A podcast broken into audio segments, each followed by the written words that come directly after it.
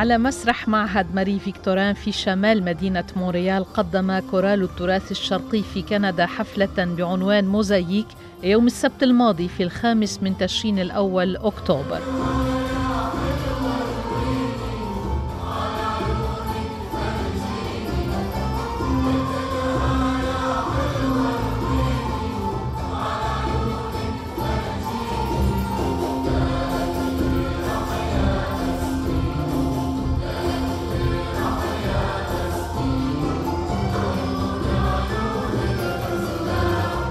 هكذا سادت أجواء الحماسة والدينامية خلال الحفل وصفق الحضور كثيرا لنخبة الموسيقيين المحترفين الجديرين بأن يكونوا على أرقى المسارح مع عمالقه الأغنية.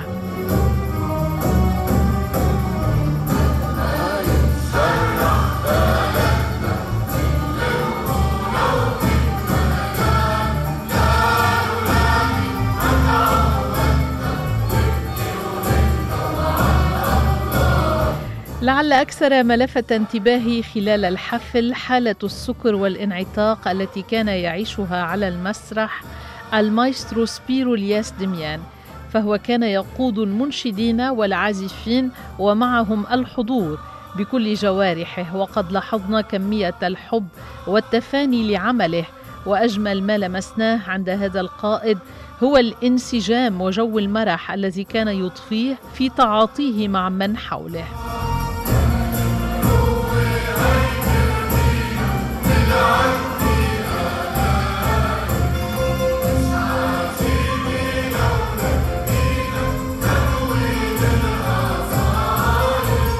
لا شك أن المنضوين في هذا الكورس لم يخضعوا للجنة تحكيم أو كشف عن مقدراتهم الفنية وعن مواهبهم فما يجمعهم هو حب التواصل مع الآخر وتكوين نواة لتظاهرة فنية اقترابية تريد الحفاظ على التراث الشرقي وتريد أن تنقله إلى أجيال هجرة.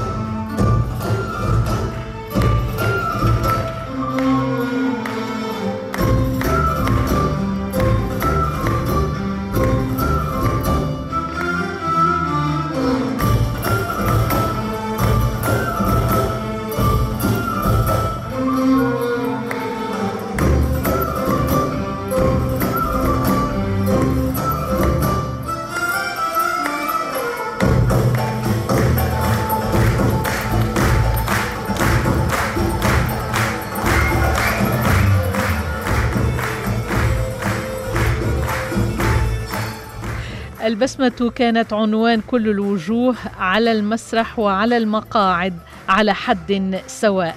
فمن كان على المسرح بذل قصارى جهده في التمرينات المرهقة والطويلة ليظهر بأبهى حلة قلبا وقالبا في حفلة الغناء التراثي الشرقي.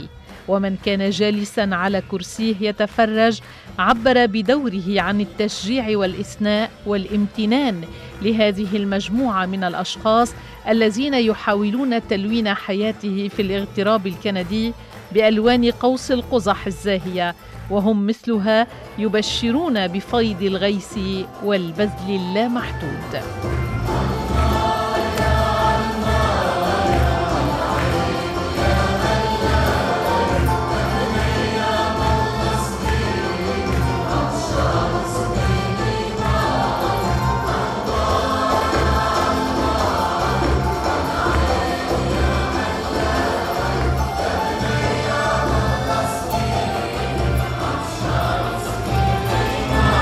نعم إن طريق الإبداع شاقة وطويلة ولكن جوقة التراث الشرقي نجحت في زرع الثقة لدينا بأن الآتي أجمل وبأن البراعم الفتية ستزهر وتتفتح وينتشي بعبيرها الكون بأسره.